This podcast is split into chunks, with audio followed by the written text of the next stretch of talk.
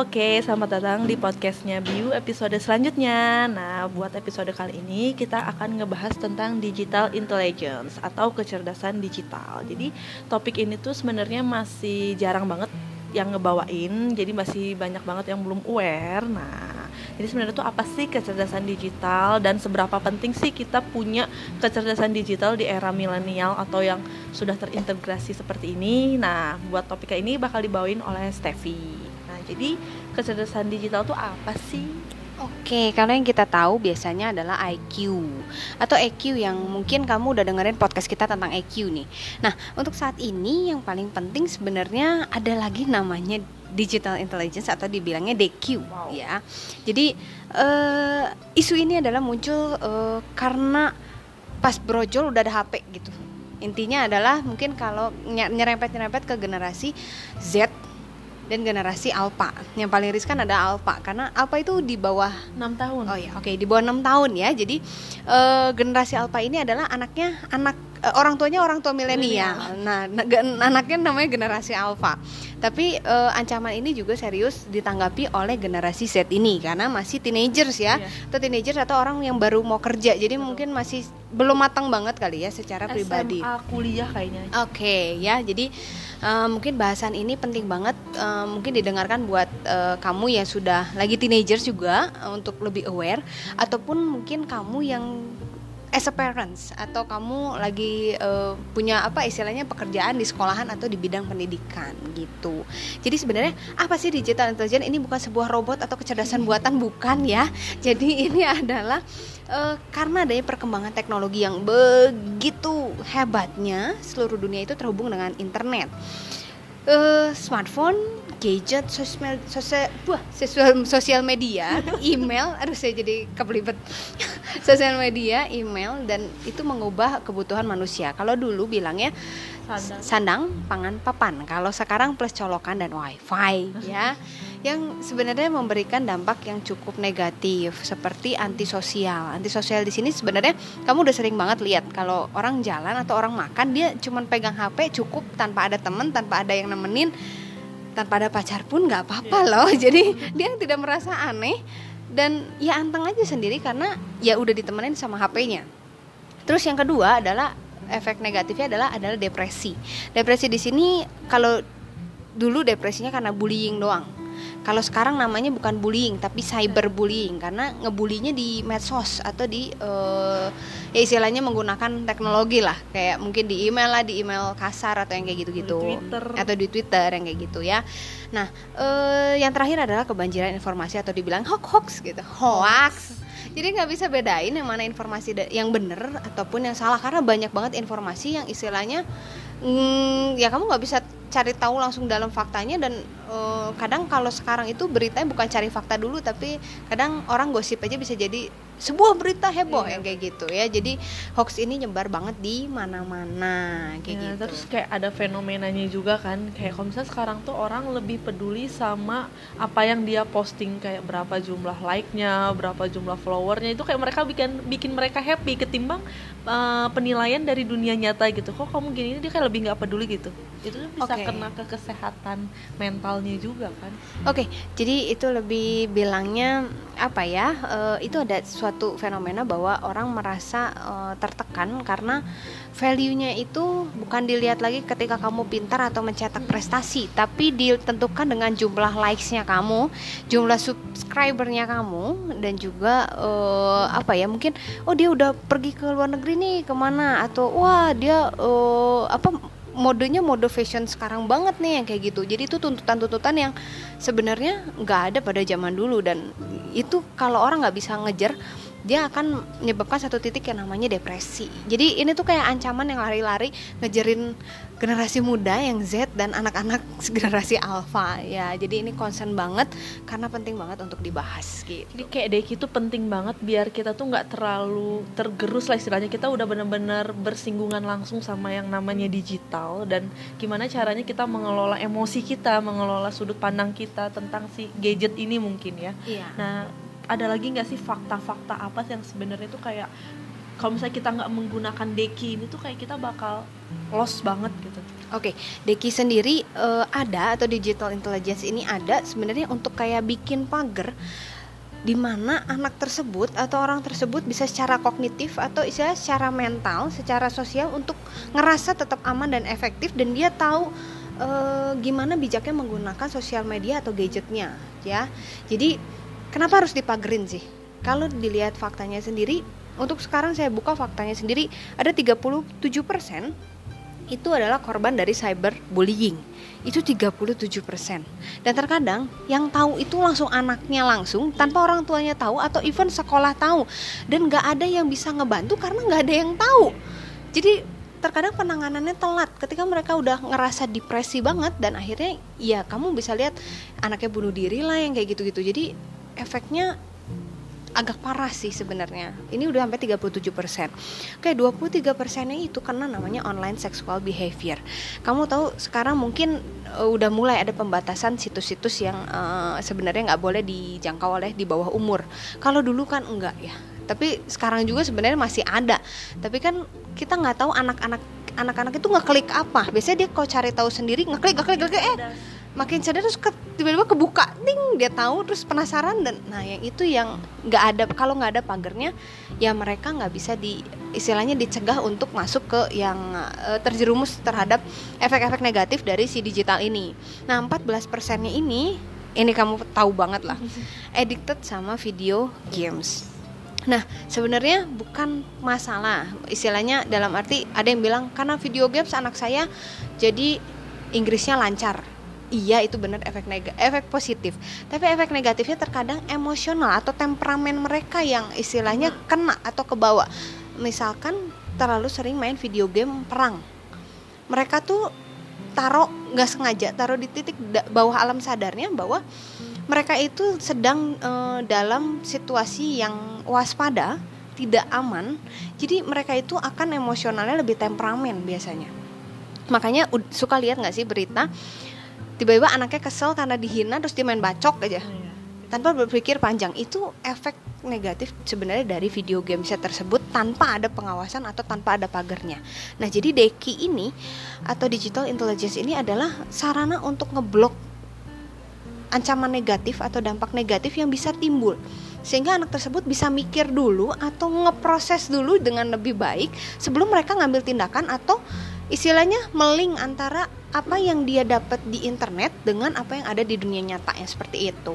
Benar juga kalau misalnya dilihat uh, didengar dari penjelasannya Stevie tadi itu sebenarnya tuh keperluan Deku tuh kayak udah mendesak banget tapi orang tuh nggak aware karena nggak tahu ya karena sebenarnya karena apa sih masalah problem itu kayak nggak nyata gitu karena nggak tahu dan kebanyakan orang tuh dipendem ya nggak sih jadi sebenarnya ini tuh harusnya mah udah aware ke mana-mana gitu. Iya, sebenarnya ini harusnya sudah menjadi masalah yang diangkat atau kebanyakan harusnya secara edukasi sudah mulai diajarkan Betul. sejak dini. Ya, cuman masih memang masih belum e, di banyak diajarkan dan kami sebenarnya e, salah satu provider untuk e, pelatihan digital intelligence ini gitu. Nah, pelatihan ini e, biasanya lebih fokus pada beberapa aspek nih yang pertama adalah privacy. Privacy di sini adalah ketika kamu akses sosial media itu ada kamu batas privasinya misalkan ngebatasin kalau Instagram suka ini nggak ngeh kalau dia punya tombol privacy. Jadi dia uh, kalau mau masuk ke account kamu dia harus accept kamu dulu. Jadi nggak bisa dia langsung ngelihat fitnya kamu. Nah ini uh, mengelola privacy sebat sejauh mana diri kamu mau diperlihatkan ke di ke dunia luar ya seperti itu ya lewat si internet ini. Yang kedua adalah berpikir kritis.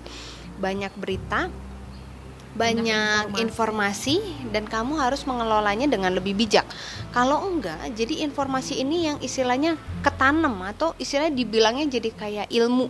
Padahal salah nih informasinya. Jadi berpikir kritis di sini tentang tindakan, tentang mengelola informasi yang didapat, yang kayak gitu.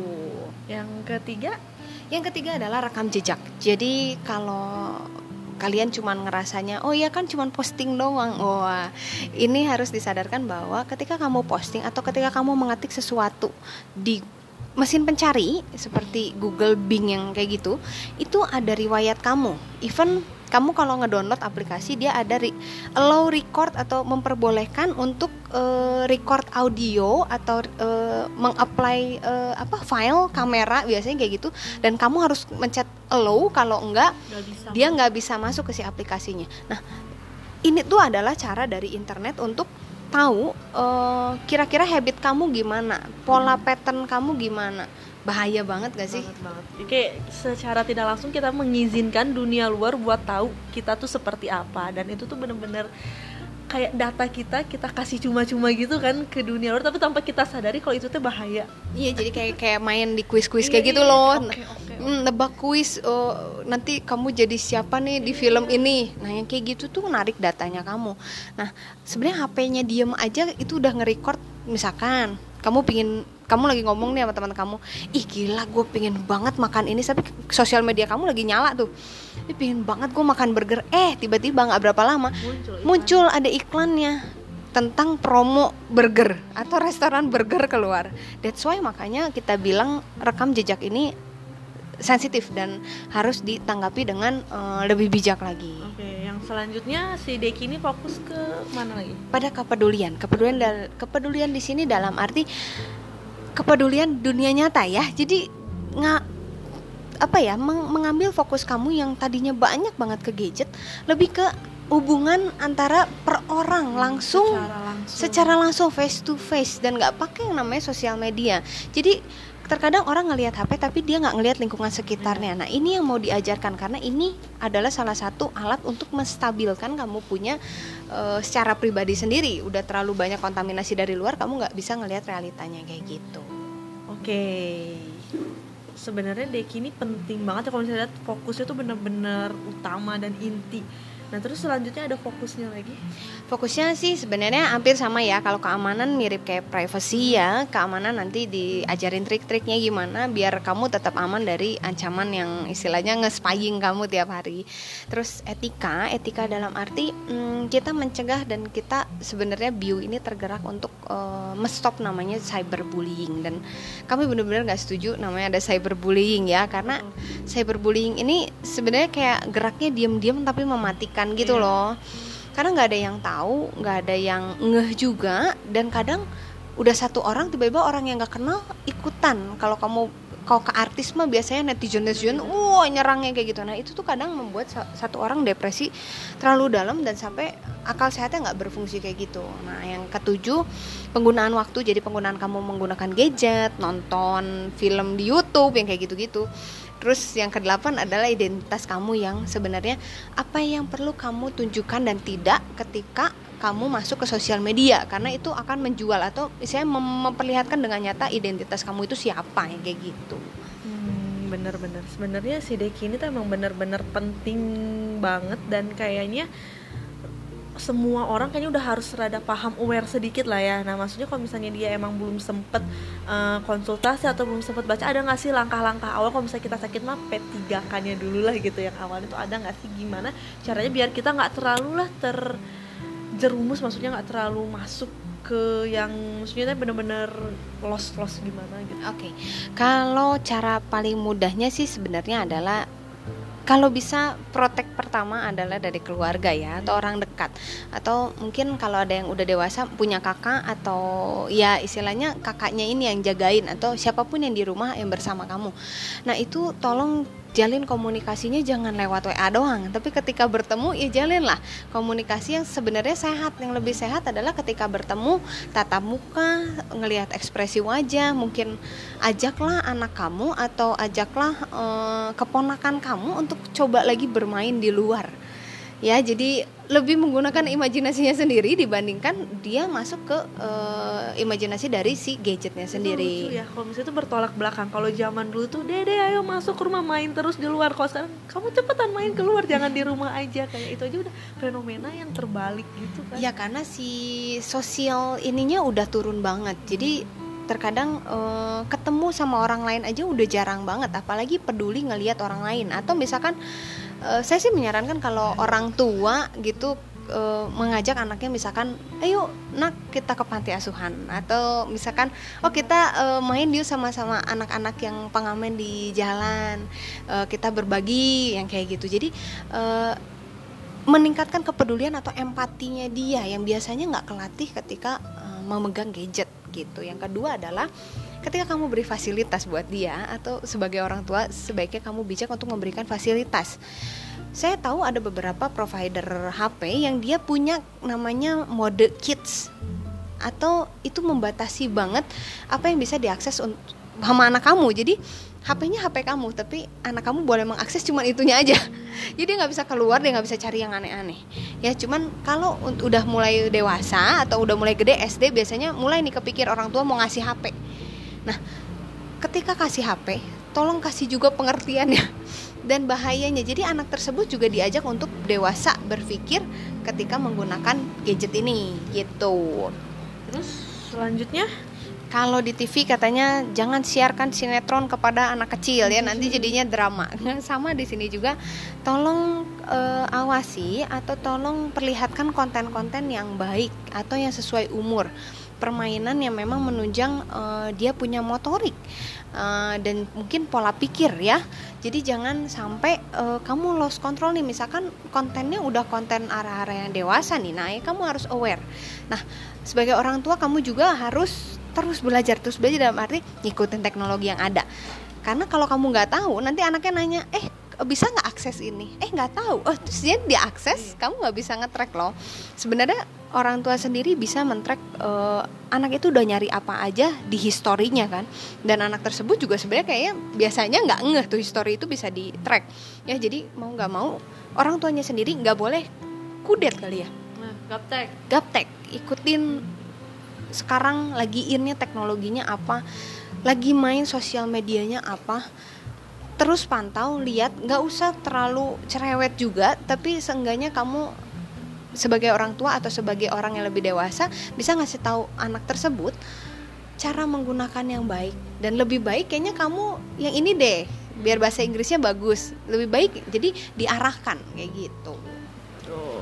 Betul betul terus, terus? ya mungkin tegas sekali ya masalah hmm. waktu nanti belajar lupa main HP terus ya. Jadi uh, liatin waktunya penggunaannya uh, efek buruknya juga kan ke untuk kesehatan nggak baik kalau terus terpapar dari gadget yang kayak gitu ya mata bisa rusak. Bener. terus udah gitu biasanya ada efek kesulitan tidur. Ya, ya jadi nggak sehat juga. Terus ya seperti yang tadi overall sebenarnya kamu harus pantau dan evaluasi sebenarnya fungsinya gadget ini untuk apa betul, betul. buat si anak tersebut gitu. Jadi intinya benar-benar harus bijak dalam menggunakan gadget dan bermedsos. Nah, kalau misalnya kita tarik kesimpulan berarti kan kalau dulu kita tahu yang namanya IQ.